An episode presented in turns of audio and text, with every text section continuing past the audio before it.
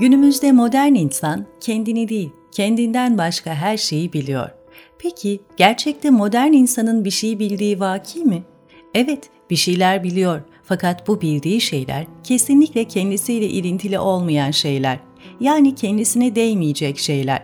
Çünkü sarahatle görüyorum ki günümüzde insanın ne bildiği değil, ne kadar veriye sahip olduğu ön plana çıkıyor. Daha açık bir şekilde ifade etmek gerekirse, insanın neyin bilgisine nasıl sahip olduğunun bir önemi kalmadı. İnsanın kafasında bir SSD kart gibi bilmem ne kadar veriyi depolayıp tasnif edebiliyorsa, o ölçüde bir değer sahibi olduğu apaçık ortada kafasında taşıdığı veri kırıntılarının hayatında, benliğinde bir yere temas etmiyor olmasının hiçbir önemi yok modern insan için. Bir çöp dağı olarak o veri yığınını taşımak tek başına ona tüm hayatı boyunca yetecek bir değer. Veri yığını içinde oradan oraya sürüklenmek, bir düşünceye sahip olmadan bir şeyler bilmeyi öğretti modern insana.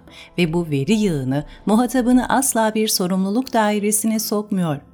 Sorumluluk almadan bilmek, düşüncenin hiçbir katmanında bulunmadan bir şeyler öğrenmek bu çağa özgü bir şey oldu. Bu çağda itibar gören veri yığınları karşısında tecrübenin terbiye ettiği düşüncenin ise hiçbir önemi kalmadı. Yaşamın parçalara bölünüp verileştirilmesi, insan hayatından tecrübeyle terbiye olmuş ve kemal seviyesine erişmiş düşünceyi sildi. Astronomik veriler düşünceyi susturdu. Artık insanların neyi nasıl bildiklerinin hiçbir önemi yok.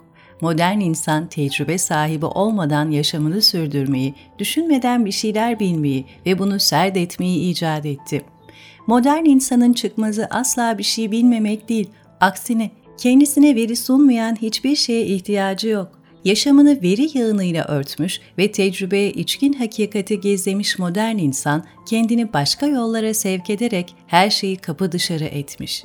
Kendi dar hafsalasını sınırları içinde verilerle aydınlatılmış, başka her şeye kör ve sağır bir yaşam sürdürüyor. Edebiyatsa kısır kalmış bu yaşamdan bir çıkış yolu olarak beliriyor önümüzde. Elimizde kalan en beklentisiz ve en doğaçlama ilişkidir bu nedenle edebi eserlerle kurduğumuz ilişkiler.